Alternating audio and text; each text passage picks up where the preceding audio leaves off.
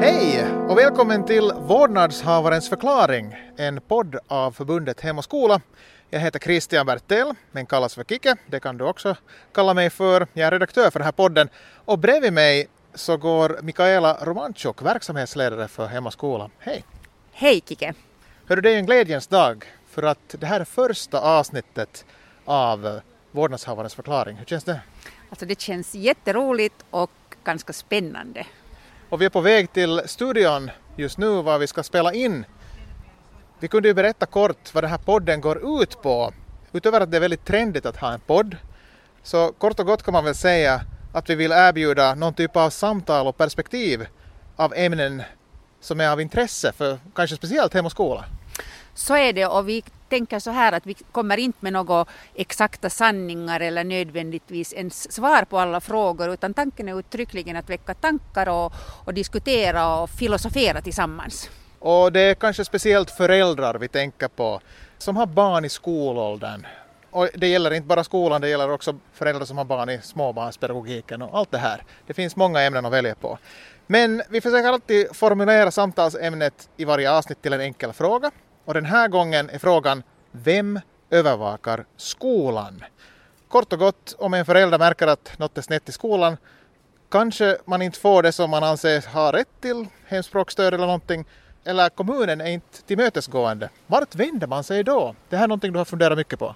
Ja, det har jag märkt att jag funderar mer och mer på. Jag har jobbat nu 15 år på Hem och skola och eh, det är otydligt för många föräldrar och därför tycker vi att det här är en diskussion värd att föra. Och det är inte bara jag och Mikaela som ska prata om det här. Vi är på väg till studion som sagt här i Helsingfors som har bekväma soffor att sitta i och där får vi sällskap av en tredje samtalare. Kristina Koli som är rektor för Vinellska skolan och det är en svenskspråkig grundskola i Kyrkslätt med över 700 elever i klasserna 1 till 9. Och du kommer också att få höra några kommentarer av Thomas Sundell som är jurist vid Regionförvaltningsverkens svenska enhet för bildningsväsendet. Känner du dig peppad? Jepp, nu kör vi. Nu kör vi.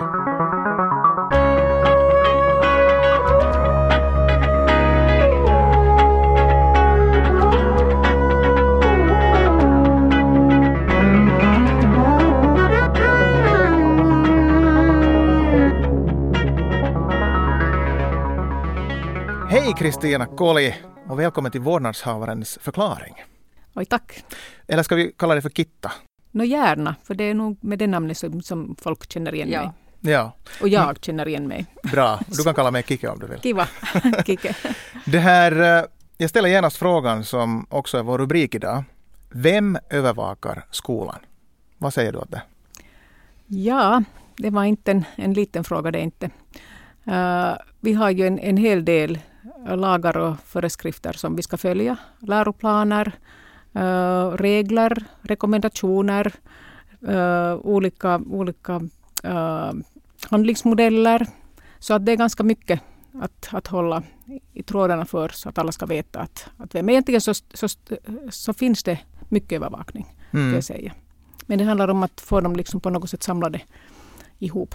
Just det. Och du är alltså rektor för Vinellska skolan i Kyrkslätt. Har du mera ansvar än alla andra där på skolan då med det här eh, papprena och självutvärderingen? Sannolikt så är det ju jag. Jag som, som bär ansvar. Alltså det är en ganska stor skola. Vi har 100 i personalen och, och 750 elever. Och sen har vi ju, uh, alltså utbildningsanordnaren har ju ansvar, det högsta ansvaret.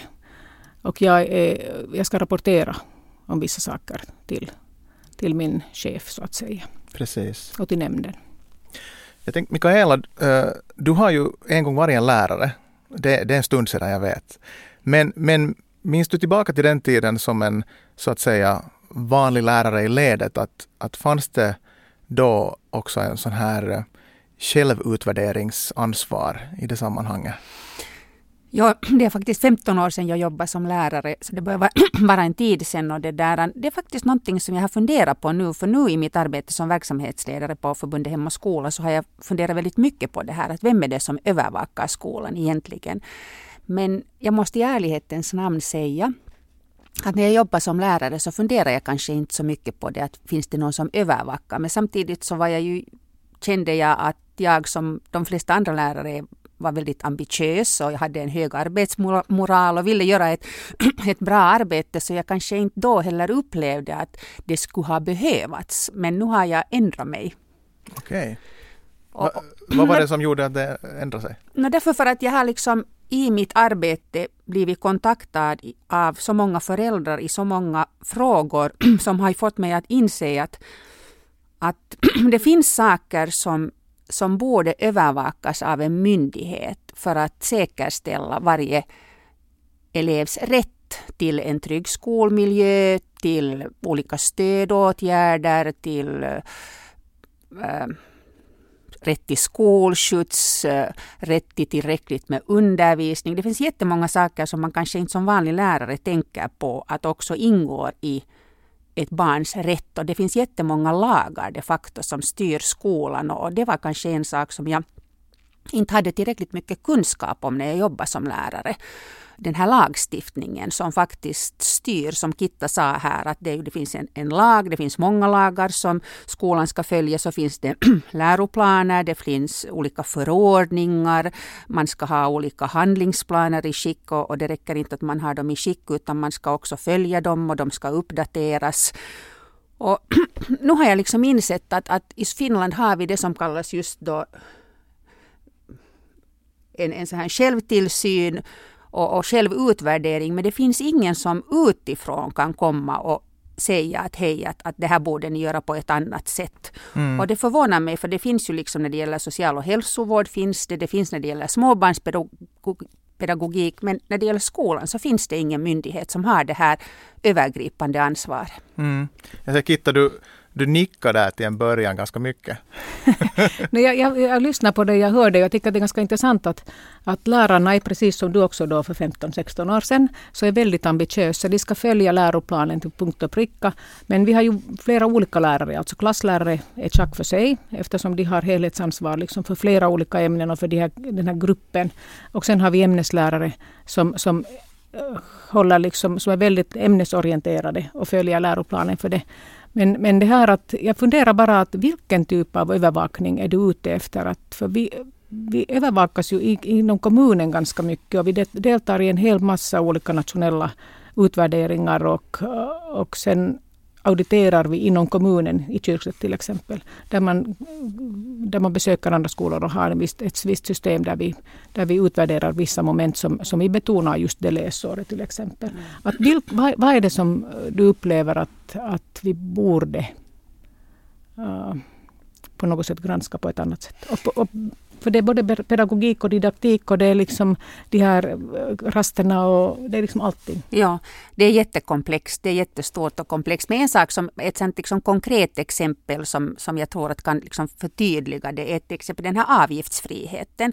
Att skolan ska vara avgiftsfri för alla, den grundläggande, den grundläggande utbildningen. Och jag kommer ihåg när jag jobbade som lärare att det var alldeles kutym att man samlade in pengar av eleverna. Så fem euro, tre euro för olika utfärder. Och, och nu i mitt arbete så blir jag ganska ofta kontaktad av föräldrar som är olyckliga över att de ska betala för olika resor. Mm. Och det här har man ju till exempel klassresor och, och vad heter det, lägerskolor. Och det här liksom har det talats mycket om i, i åratal att den grundläggande utbildningen ska vara gratis eller avgiftsfri och sen kan ha föräldrar besvära sig antingen till regionförvaltningsverket eller till justitieombudsmannen och så kommer ett beslut, ja det är olagligt, man får inte samla in.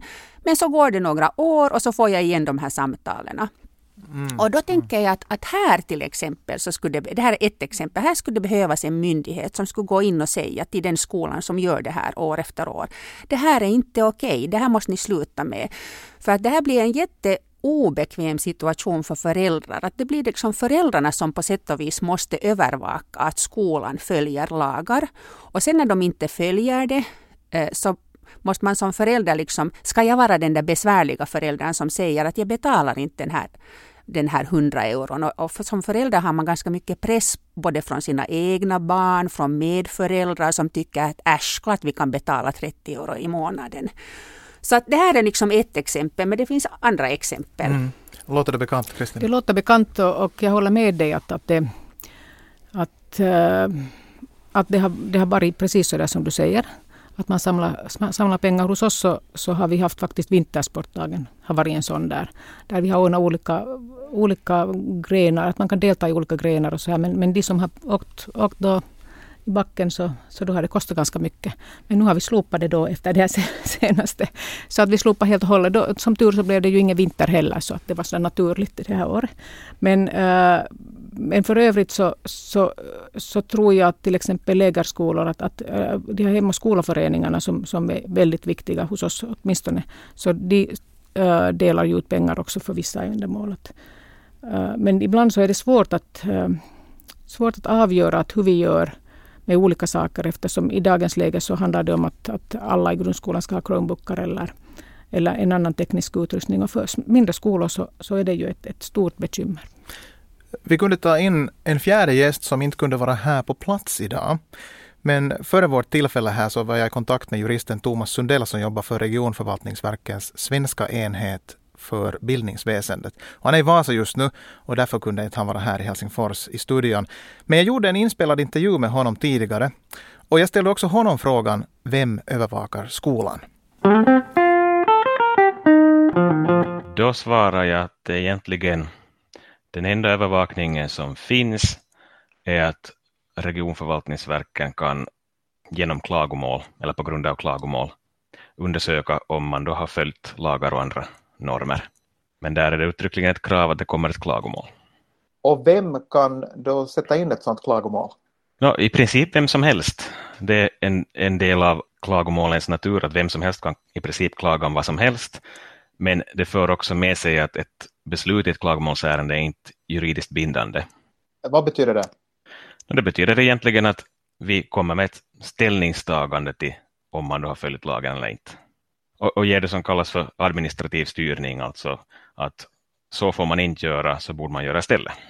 Alltså systemet egentligen förväntar sig att utbildningsanordnarna rättar sig efter beslutet mm. och, och, det finns inte något tvångsmedel att ta till.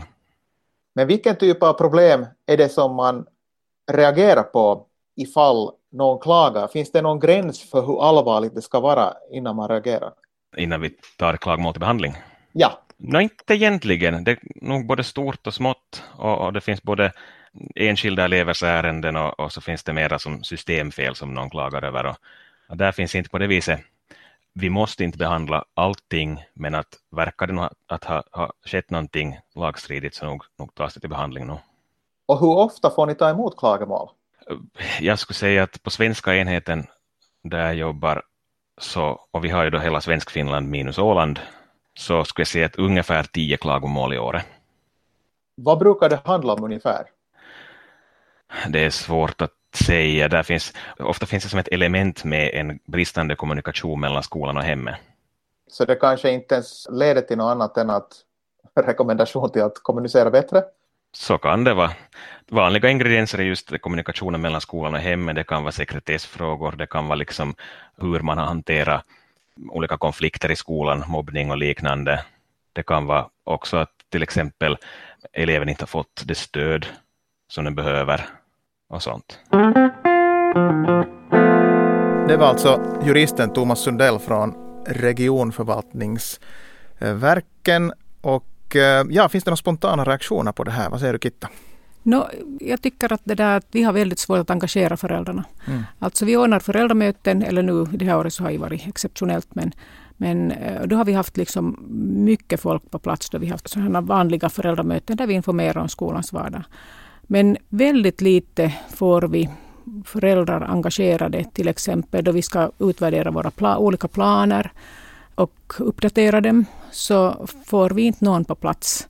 Och det kan ju förstås hända att, att, att vårt läge är lite besvärligt eftersom många av våra föräldrar pendlar, så de kommer långa, långa vägar ifrån. Och, och så här, men att det är lite svårt att engagera nog vårdnadshavare. Men de upplever nog, de är tacksamma för all info som, som vi ger ut och delar ut så att de vet liksom hurdana system vi har och vem de ska kontakta i vilka, vilka frågor. Annars det var intressant det där med kommunikationen händer det att föräldrar kanske tror sig ha blivit orättvist behandlade men att det egentligen har varit frågan om en kommunikationsmiss mellan skolan och hemmet? Har du varit med om det? Egentligen inte. Okej. Okay.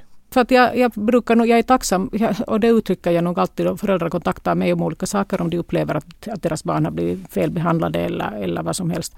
Så är jag nog alltid, uppskattar jag alla kontakter, så jag tackar för, på förhand liksom att det här är jätteintressant, för att då har vi funderat, vad borde vi göra olika, så att vi är ganska snabba nog. Jag tror att många rektorer fungerar på samma sätt, att man är snabba på att reagera och fundera, att vad borde vi göra annorlunda eller, eller förbättra för att mm. undvika. Och det tror jag att det är en bra policy, för det uppskattas också av föräldrarna. Har du Mika någonting att tillägga? No, som en sån spontan reaktion på det som, som vi hörde så var kanske på ett sätt liksom positivt att det är bara tio ungefär per år.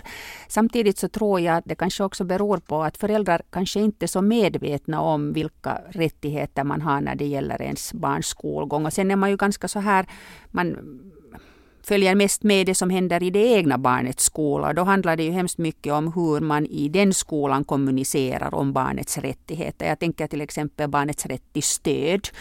Eh, nu för tiden har vi någonting som kallas då trestegsstöd och då är det ju skolans uppgift att kommunicera det här till föräldrarna vilken rätt de har till stödformer. Så att då är det liksom upp till varje skola att de faktiskt kommunicerar det tydligt och, och då, måste, då måste man på sätt och vis lita på att den egna skolan kommunicerar det som de ska erbjuda enligt lagar och förordningar och läroplanen och också se till att det där stödet finns. För att om du inte som förälder vet vilka rättigheter ditt barn har så kan du inte heller så att säga ställa de där kraven. Mm.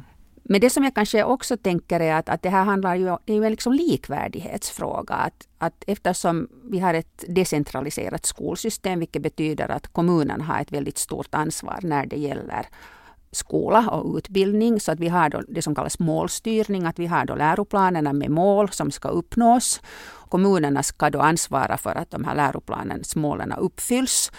Eh, så finns det pengar som kommer från staten till kommunerna, men de här pengarna är inte öronmärkta, vilket gör att varje kommun ansvarar själv för hur mycket pengar som tilldelas skolan. Och det som då styr hur mycket pengar som tilldelas skolan är ju det som kallas för timresursen. Och det som vi vet idag är att vissa kommuner som har det relativt bra ekonomiskt så har ganska mycket pengar och en stor timresurs. Och så finns det de kommunerna som har det knapert och de skolorna får väldigt mycket mindre pengar. Och här blir det ett, ett likvärdighetsproblem. Och vi, vi ser ju redan i sådana här nationella och internationella utvärderingar att eh, den här likvärdigheten håller på att lite vittra sönder. Det finns stora skillnader nu för tiden tiden allt större skillnader mellan resultat, skolresultat. Och då kan man fråga sig att hej, börjar vi redan se någonting, liksom en effekt på att kommunerna har satsa olika på skolorna. Det här får vi ju inte reda på om man inte har en tillsyn där man också kan gå in i skolan och säga att hej, att vad kan det bero på att här klarar sig de här eleverna så mycket sämre. Det, det handlar också om det här, jag talar om det här med avgifter och jag talar mm. om stöd, men det handlar ju också om liksom större strukturella frågor. Vi ska kanske tillägga att när du pratar om tillsyn så menar du att, att det är en myndighet som ska sköta det, antagligen regionförvaltningsverken då, att de kan själv gå till aktion och behöver inte vänta på klagomål. Så är det och det intressanta är att det har vi ju haft faktiskt i Finland ända fram till slutet av 80-talet, början av 90-talet. Men sen försvann det och, det är lite Mm. Jag vet inte ens riktigt vad det beror på. Jag tror att det var ett politiskt beslut. Men Finland är faktiskt det enda landet i Norden som inte har en sån här utomstående tillsyn. Just som du säger att en myndighet har eh, vad heter det, rätt att på eget bevåg gå in. Vårt system grundar sig på att någon måste lämna in ett klagomål. Och, och, det är problematiskt så tillvida att då blir det liksom ett jättestort ansvar på vårdnadshavaren. Mm. Men vårdnadshavaren har ju nog ett stort ansvar i sig annars också. Ja. ja. du nickar Kitta väldigt. Ja, jag tycker det är jätteintressant för att eh, Finland, det är säkert den här grundskolan som, som har gjort att, att den här tillsynen har blivit. För man utgår från att, att i och med den här, den här grundskolelagen så, så har alla rätt till samma utbildning och då tänker man säkert mer på den här läroplansfrågan och, och uh, pedagogiken kanske. Men, men uh, jag ser nog att det är så väldigt svårt att uh, jag har själv varit orolig för den här jämlikhetsfrågan eftersom Finland är ganska stort. Kommunerna är väldigt olika, skolorna är väldigt olika. Vi har, vi har skolor där det finns två lärare och tio elever och så har vi sådana skolor som, som min skola då, där det finns hundra lärare. Eh, och då är ju resurserna helt andra. Mm. Och då kan man garantera en helt annan, ett annat liksom system än i den där lilla skolan. Du nämnde det här med trestegsstöd till exempel. Så, så jag förstår att det är problematiskt om inte det finns speciallärare eller elevvårdspersonal som, som kan liksom ansvara för det här. Men igen, så, att, så att större enheter har sina fördelar. Det får mig att tänka på faktiskt ett case som, som just på sätt och vis sätter tummen på det som Kitta tar upp, att i en större skola så finns det mera resurser och då, då är liksom sannolikheten att man har möjlighet att, att sköta sitt uppdrag större. Jag fick ett samtal för några år sedan av en olycklig mamma. Eh, hennes barn gick i en ganska liten byskola och eh, när det här barnet skulle gå ut sexan så insåg den här mamman att det här barnet hade väldigt mycket luckor i sitt kunnande. För det här skulle, barnet skulle då byta skola, börja då i högstadiet faktiskt i en annan kommun. Och sen när hon började liksom gräva i det här så var det massor med så oförrätter som kom fram. För det första så hade de inte haft en enda behörig lärare på jättemånga år.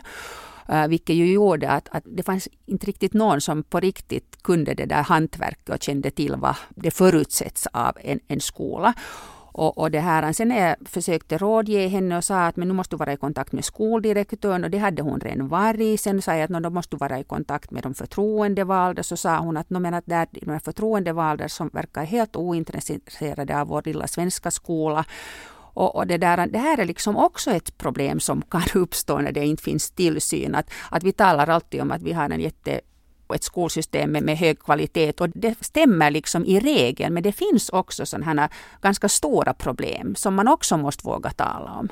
Det här låter som ett bra tillfälle att ta in Thomas Sundell en gång till. Jag ställde honom frågan att vet alla att man kan klaga om det är något som gått snett vid skolan ens barn går vid?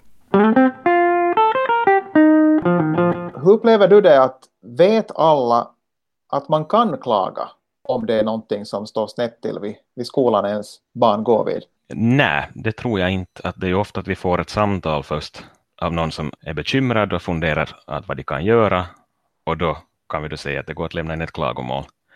En intressant detalj i sammanhanget här eh, så är ju att när regionförvaltningsverken bildades 2010, tidigare var det ju Länsstyrelsen, så såg man i statistiken alltså att klagomålen gick ner markant inom alla sektorer.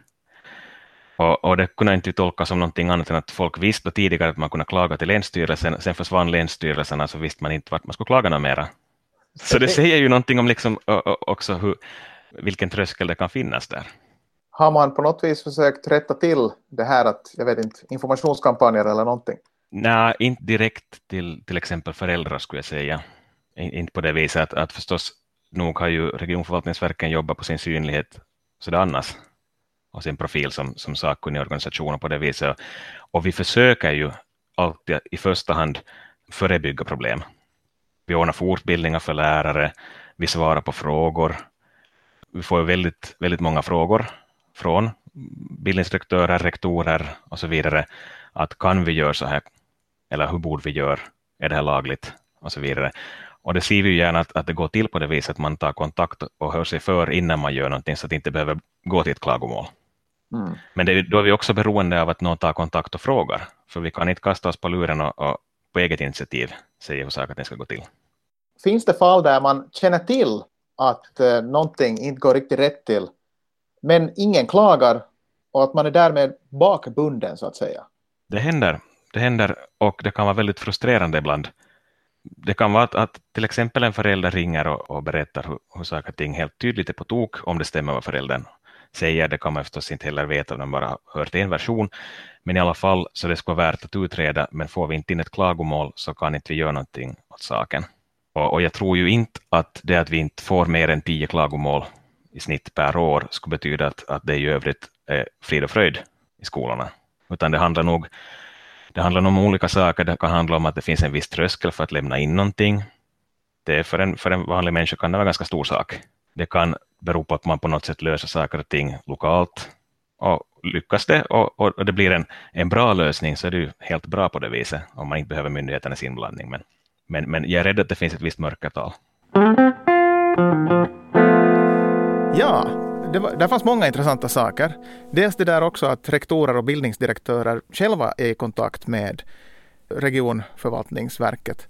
Jag, fick lite statistik faktiskt av Thomas som inte kom på band, men han sa att en fjärdedel av kontakterna kommer från skoldirektörer och en annan fjärdedel kommer från rektorer. Och det är ju mycket mer än vad det kommer från föräldrar.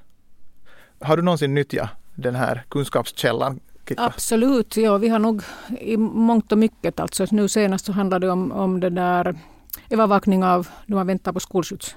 Mm eftersom våra elever, vi har 350 elever som, som kommer med skolskjuts, så vissa bussar är på skolgården kvart över åtta och skolan börjar klockan nio.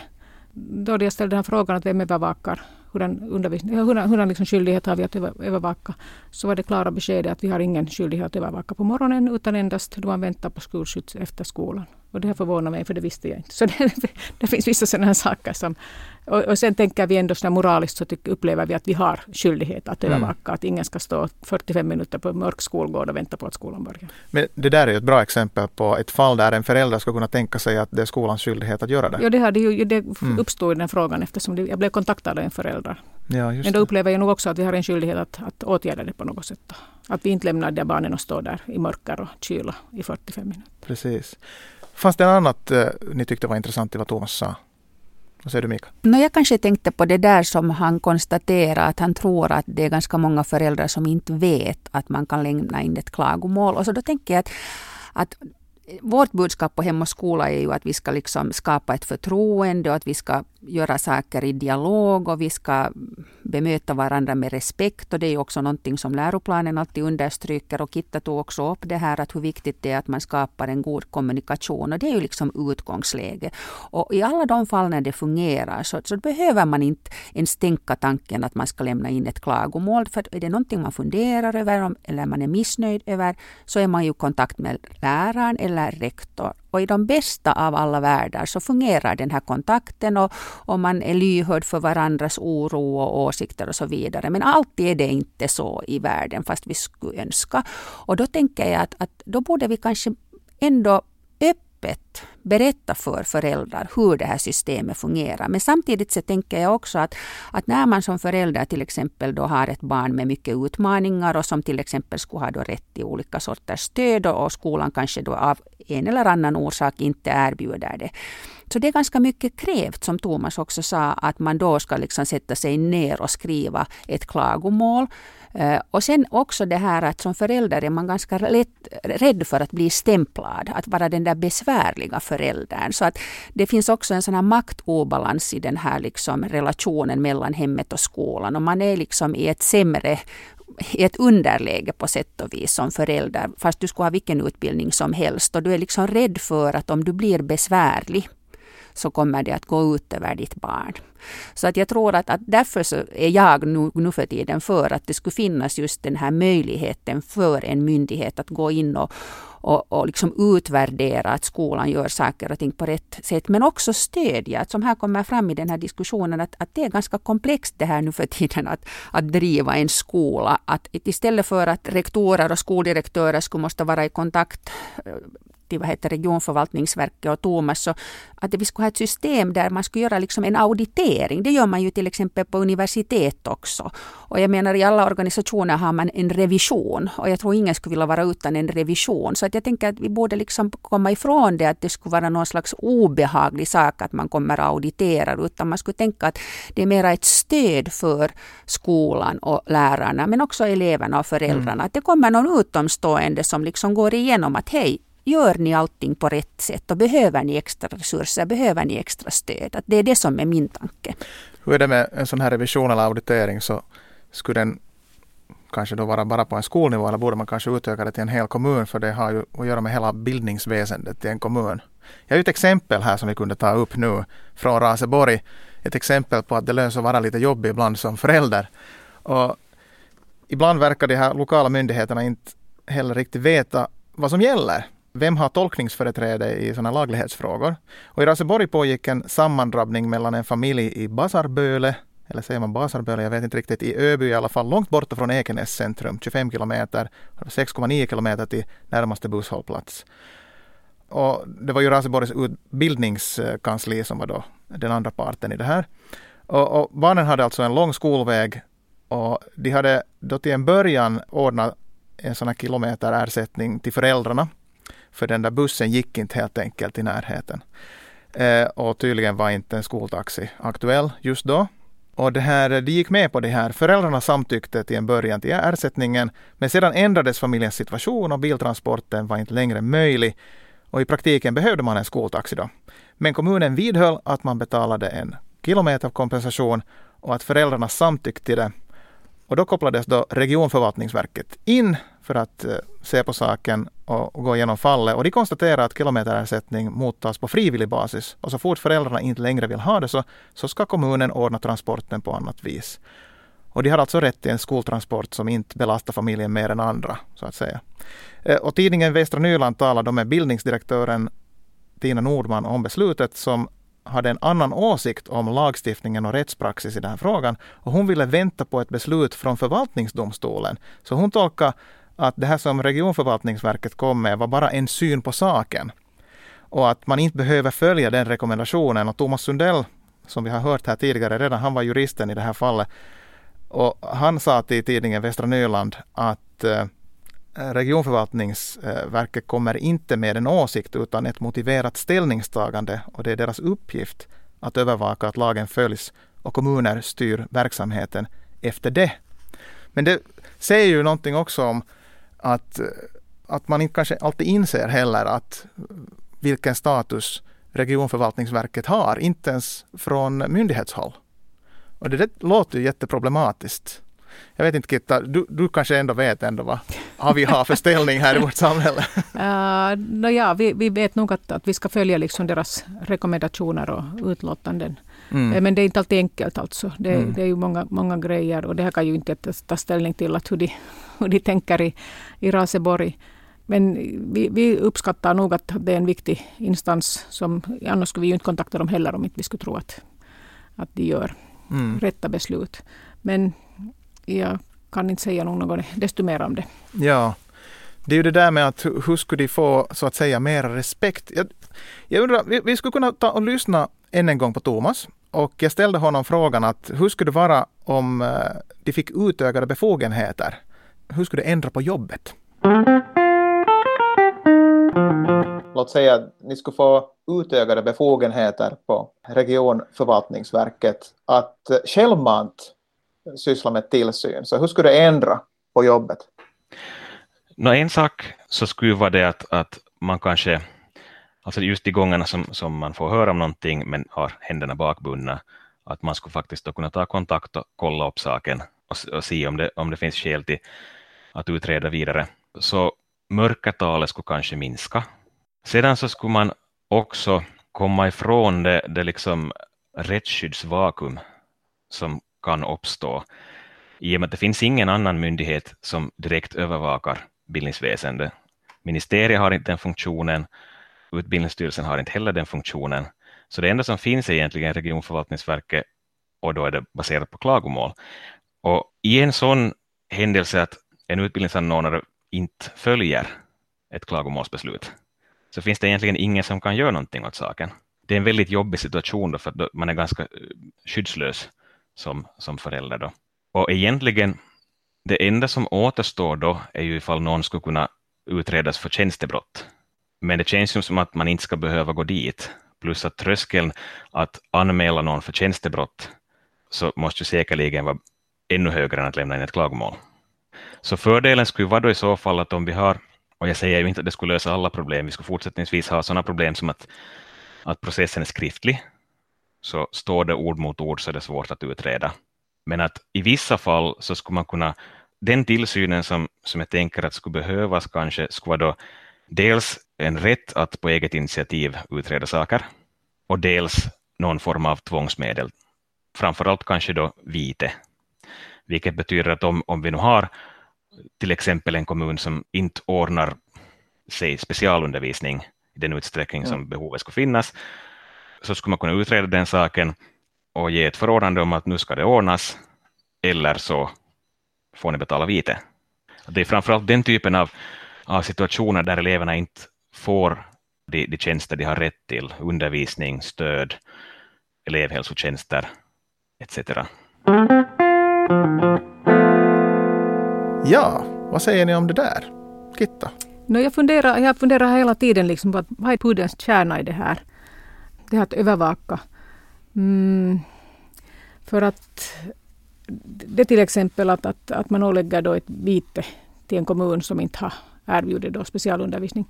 Så vad, vad har man för vad leder det till om det helt enkelt inte finns personal, alltså behörig personal? Mm. Att, att, att det handlar inte bara om det att man inte vill erbjuda det utan, utan att det inte skulle finnas. Det låter som ett ganska dramatiskt sätt att, att åtgärda det här bekymret. Att på något sätt så tror jag mera på den här auditeringsfunderingen, att, att det skulle finnas ett system. Men det, det, det finns liksom, skolan styrs och leds på så väldigt många olika plan. Alltså det är ett ganska komplext system som jag konstaterade nu på veckan då jag gick igenom alla våra planer, både handlingsplaner och processer och grejer, att hur man implementerar det i verksamheten för att man ska garantera att, att alla har rätt till det. Alla våra planer äh, finns också på vår hemsida. Mm. Så att föräldrarna kan också gå och läsa igenom och, och om de noterar någonting så, så kan de liksom kontakta skolan direkt. Men så är det ju inte i alla skolor utan alla skolor fungerar på sitt eget sätt, att hur, man, hur man har möjlighet att lära det. Men det här är ett jättekomplicerat, en väldigt komplicerad fråga överlag. Mm man förstår ju det där att, att om det är ekonomiska problem från tidigare och det orsakar problemet överhuvudtaget att dessutom åläggas att göra någonting åt saken som kostar och sedan få vite på det då inte man kan ordna det. Det låter ju som en, då är, då är kommunen bakbunden. Men samtidigt så mm. tänker jag just att Pudels kärna är det här elevens rättsskydd och, och den här liksom rätten till en likvärdig skola. Det är ju någonting som vi i Finland är jättestolta över och det är någonting som vi marknadsför. Men det är inte så de facto att, att dagens skola i Finland är likvärdig idag. Och då tycker jag att vi kan inte liksom lägga det här ansvaret på föräldrar att gå in på en hemsida och läsa att vilka rättigheter har mitt barn. Utan nu tycker jag att det liksom ska ingå i det här avtalet. När jag sätter mitt barn i en skola så ser den här utbildningsanordnaren till att mitt barn liksom får det stöd och den undervisning och den elevvård och de hälsovårdstjänster som det här barnet är berättigat till. Att jag tycker inte att det här ansvaret kan ligga på föräldrarna och det är det som jag tycker att är liksom det här problemet i dagens Finland. Och som många rättslärda just säger att är det där problemet att det är för mycket ansvar på föräldrarna att följa upp om barnet får det de har rätt till i skolan. Och jag upplever också att, att det, här, det är för mycket ansvar på varje enskild lärare och på skolan. Jag, jag ser att det här handlar liksom om att, att säkra att skolan ges tillräckligt med resurser i, i kommunerna. Tidigare hade vi ju liksom ett sånt här eh, system att de här pengarna som kom till kommunerna och skolorna var så att säga öronmärkta. Men så är det inte mera. Och det här betyder att när en kommun har en skral ekonomi så liksom kämpar man om de här pengarna. Och, okej, man kan ju fundera så att, att hjälp hjälper nu ett vite. Men å andra sidan så nu är det så inom social och hälsovården också. Och det där, jag tycker att det är jättekonstigt att den grundläggande utbildningen och andra stadieutbildningen är den enda liksom myndighet i vårt samhälle som inte övervakas. Alla andra skolsystem övervakas men inte. Jag tycker att det är också ganska märkligt. Och sen just det här att det försvann plötsligt på 90-talet och, och, ingen har riktigt ifrågasatt det förrän nu när man märker att hej, att det här kanske inte är riktigt okej. Okay. Det kan väl tilläggas faktiskt att småbarnspedagogiken har tillsyn på det sättet som vi pratar om. Men det sköts i samarbete mellan regionförvaltningsverken och Valvira. Så den existerar. Men sen i grundskolan så är det inte längre så. Men jag undrar angående just det där med självövervakningen. Eh, lite där att skulle, skulle det vara kanske underlätta för till exempel din roll som rektor ifall det skulle finnas en sån här, vet du, att de skulle ha makten att komma in självmant. Att inte skulle det ta bort en del av ditt ansvar? No, det har jag svårt att tro på. Ansvaret är stort nog, vet jag. jag har men... svårt att tro på. Men jag är mer intresserad av att, att på vilken plan. För att alltså, det som jag frågade där i början redan, att vad är det som ska granskas eller Mm. Uh, för det, det, ligger på så väldigt många olika plan, det här skol, skolan idag. Att jag tror nog mycket på den här modellen som vi har, trots allt, att vi har en läroplan som vi följer. Vi har en lokal läroplan som följer, följer där de lokala skolorna då ska följa. Och där har vi ju till exempel lärande samtal med varje enskild elev och föräldrar där vi diskuterar den här enskilda eleven. Så att vi har ju väldigt mycket liksom individuella lösningar som har ökat. Att det, det, man kan inte tala om elever i grundskolan i synnerhet om att, att alla är på samma plan utan det är alla så enskilda fall och individer. Att det här, det här arbetet som lärarna gör eller rektorerna i samarbete med elevvården Så det är det som är egentligen utgör grunden i att, i att man kan garantera att alla får rätt till den här rättvis. Det finns ingenting som är rättvist utan alla är individuella lösningar utgående från det där enskilda barnet. Vi har ju pratat jättemycket om laglighetsaspekten här nu. Det finns ju den här kvalitetsaspekten också. Men jag har förstått att det här nationella centret för utbildningsvärdering har en stor roll i det. Vad är den rollen riktigt? Alltså den här Karvi, alltså, ja. Den här, ja, alltså vi, vi har ju utvärderingar på gång. Jag vet, vår skola till lottas alltid ut som en sån här skola mm. som ska utvärderas. Och det finns både longitudinella studier liksom, som har med eh, inlärning att göra, som, som följer eleverna från ettan till trean till femman. Att det pågår ju mycket och nu vet jag ju inte att är det bara så att det är stora skolor som hamnar ut för det här eller, eller hur är det med små skolor? Det vet jag inte. Mm. Men det görs ju ganska mycket, alltså vi deltar i väldigt många olika utvärderingar under, under läsår, alltså varje år. Vi kunde lyssna på ett sista klipp med Thomas för att vad vi älskar att göra i det här landet är att jämföra oss med Sverige. och Sverige har en skolinspektion. Och det är säkert många som tänker sig att, att när man pratar om tillsyn så tänker man att ja, ska vi ha det som i Sverige, en svensk skolinspektion. Vi ska se vad, vad Thomas säger om den saken. I Sverige finns ju en skolinspektion. Mm. Men mm. går det alls att jämföra sig med Sverige just i det här avseendet? Ja, för i Sverige har man då, om vi tänker de skalorna jag just berättade om, så där har man då en, en, en programbaserad tillsyn över skolorna. Och eh, om jag förstått saken rätt så kollar man också kvalitetsfaktorer. Och då pratar vi om, sån, om en sån tillsyn som, som i dagens läge är ganska främmande för vårt system här. Det skulle vara ett jättestort steg att gå från en laglighetsövervakning som enbart är baserad på klagomål till att du har en, en fullskalig programbaserad kvalitetstillsyn. Och det är väl kanske där som kritiken äh, har funnits hela vägen här mot att införa tillsyn. Att man tänker sig att vi behöver ingen tillsyn för vi har duktiga lärare. Och då, då tänker jag att man lite pratar om gärdsgård och prästgård. För att det, jag tycker inte heller att det är realistiskt eller ändamålsenligt att man skulle ha en kvalitetstillsyn för vi har duktiga lärare, det är ingen som påstår någonting annat. Och det skulle vara väldigt resursintensivt att ha en sån skolinspektion som man har i Sverige. Men det som skulle behövas är ju alltså möjligheten att utöva laglighetstillsyn utan då att det krävs att till exempel en förälder är aktiv och lämnar in ett klagomål. Och det tycker jag ju inte egentligen att ha någonting att göra med huruvida man har duktiga lärare eller inte, utan det handlar ju om att till exempel när man i kommunerna har ont om resurser så kan det finnas olika orsaker till att man då kanske inte ordnar alla tjänster som, som skulle behövas. Och det, det, det är en helt annan sak.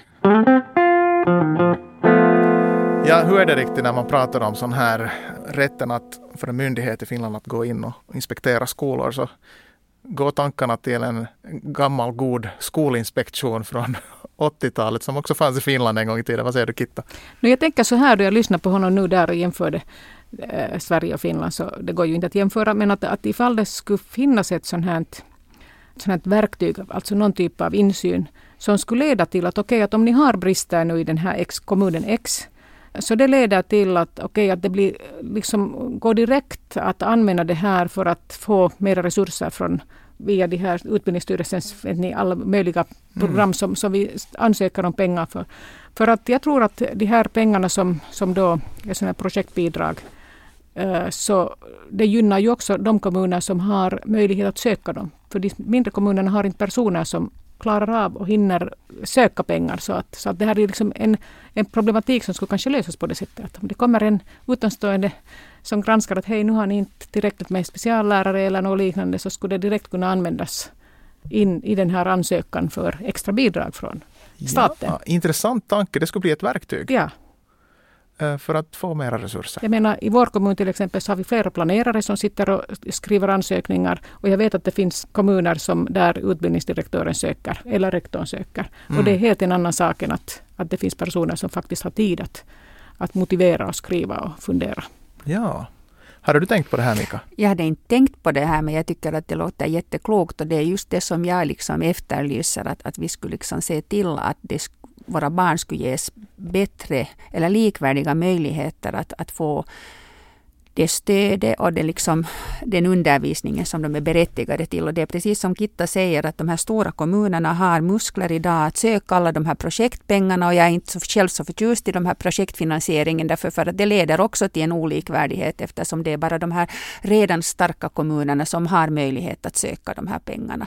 Så att jag är uttryckligen ute efter det som Thomas så bra sätter ord på och, och inte den här liksom själva kvalitets tillsynen där man skulle gå liksom syna hur varje lärare undervisar. Det är ju inte det jag är ute efter. Och det, det är som, som här har sagts att vi har en, en jättehög kvalitet på, på våra lärare. Vi har en, en, en bra lärarutbildning. Men det är klart att det finns också situationer där kommuner inte får behöriga lärare. Och som den här kommunen som jag nämnde här tidigare. Att, att klart att det kan finnas den här typens kvalitetsproblem också. Men att i det stora hela handlar det kanske mer just om det här liksom på kommunal nivå och resursering. Mm. Svaret på frågan vem som övervakar skolan verkar vara jättemångfacetterad och det finns inte bara ett svar. Det finns många svar och det beror helt på situation. Men jag tror att vi kanske har sagt allting som kan sägas om det här nu. Kristina Kitta Koli, tack så mycket för att du kom till vårdnadshavarens förklaring. Tack, det har varit jätteintressant att höra olika, olika åsikter och Thomas tankar också om det här. Vi kanske ses igen. Tack.